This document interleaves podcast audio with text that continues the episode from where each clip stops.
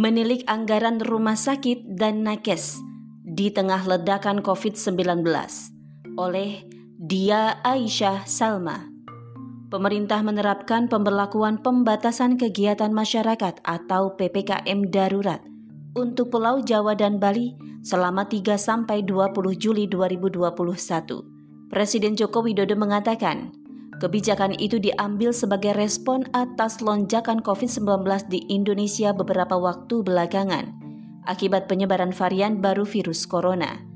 Kita ketahui pandemi COVID-19 dalam beberapa hari terakhir ini berkembang sangat cepat karena varian baru yang juga menjadi persoalan serius di banyak negara. Kata Jokowi melalui YouTube Sekretariat Presiden. Epidemiolog Universitas Indonesia Ede Surya Darmawan menyebut sudah ada 10 varian COVID-19 yang ada di Indonesia. 10 varian tersebut adalah varian Alpha, Beta, Gamma, Delta, Epsilon, Zeta, Eta, Theta, Lota, dan Kappa. Tiga di antaranya varian yang sedang heboh saat ini, yakni Delta B16172, Alpha B117 dan beta B1351 diduga paling tinggi tingkat penularannya saat ini. Virus ini sudah ada di Indonesia, terutama di Jawa semua ada, bahkan khususnya di Jakarta. Varian dunia ini sepuluh-sepuluhnya ada, katanya dalam acara Kementerian Perhubungan.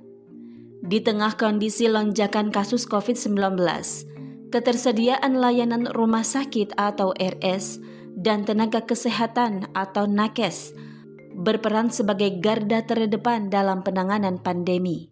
Dalam hal ini pemerintah memberikan anggaran kepada RS untuk penanganan COVID-19 dan insentif pada nakes yang berjuang menangani masyarakat yang terpapar COVID-19.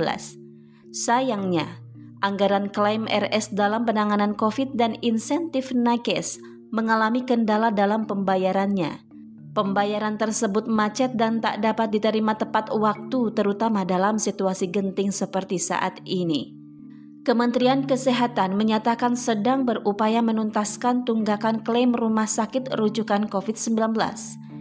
Total tunggakan yang belum dibayarkan pada tahun anggaran 2020 mencapai 22,08 triliun rupiah banyak keluhan yang belum dibayarkan sejak Januari, ujar Ketua Satgas COVID-19 DPP PPNI Jajat Sudrajat.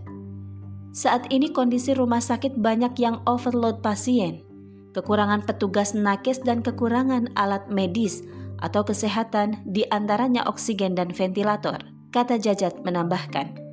Tak hanya itu, pemerintah hingga kini masih menunggak pembayaran sejumlah hotel yang digunakan sebagai fasilitas isolasi bagi pasien COVID-19.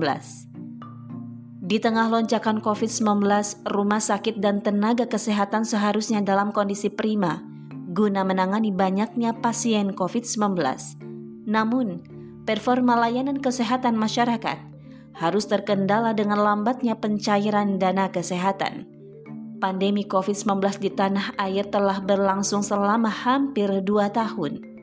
Idealnya, negara telah dapat belajar dan menciptakan mekanisme pencairan dana kesehatan dengan cepat dan efektif. Mengingat pandemi di tanah air merupakan masalah yang sangat serius. Korban meninggal berjatuhan setiap hari, kasus penularan yang tak kunjung berhenti, dan penemuan varian-varian baru dengan potensi penularannya lebih tinggi dari varian sebelumnya. Negara juga perlu manajemen sumber-sumber pemasukan negara guna mengatasi keterbatasan anggaran selama pandemi masih berlangsung.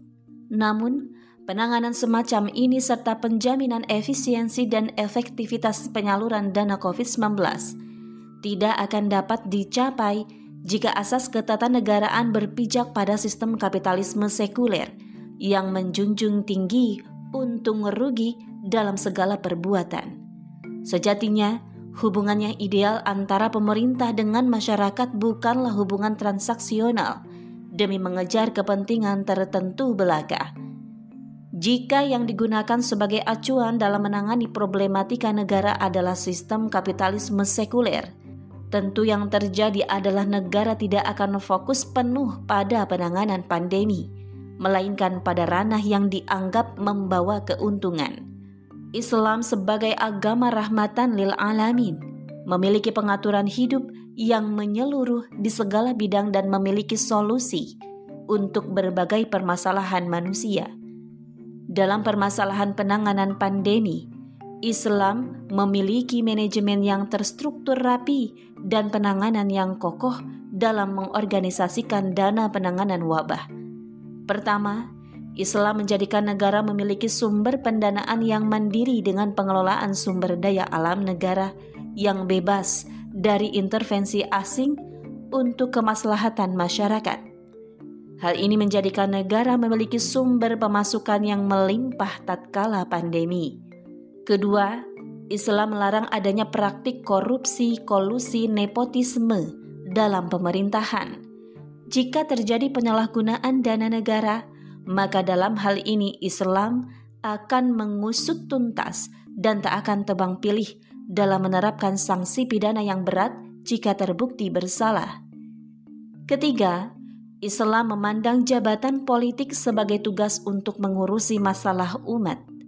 Dalam hal ini, sangat tidak dibenarkan untuk berasas pada untung rugi dalam menjalankan tugas mengurusi permasalahan umat.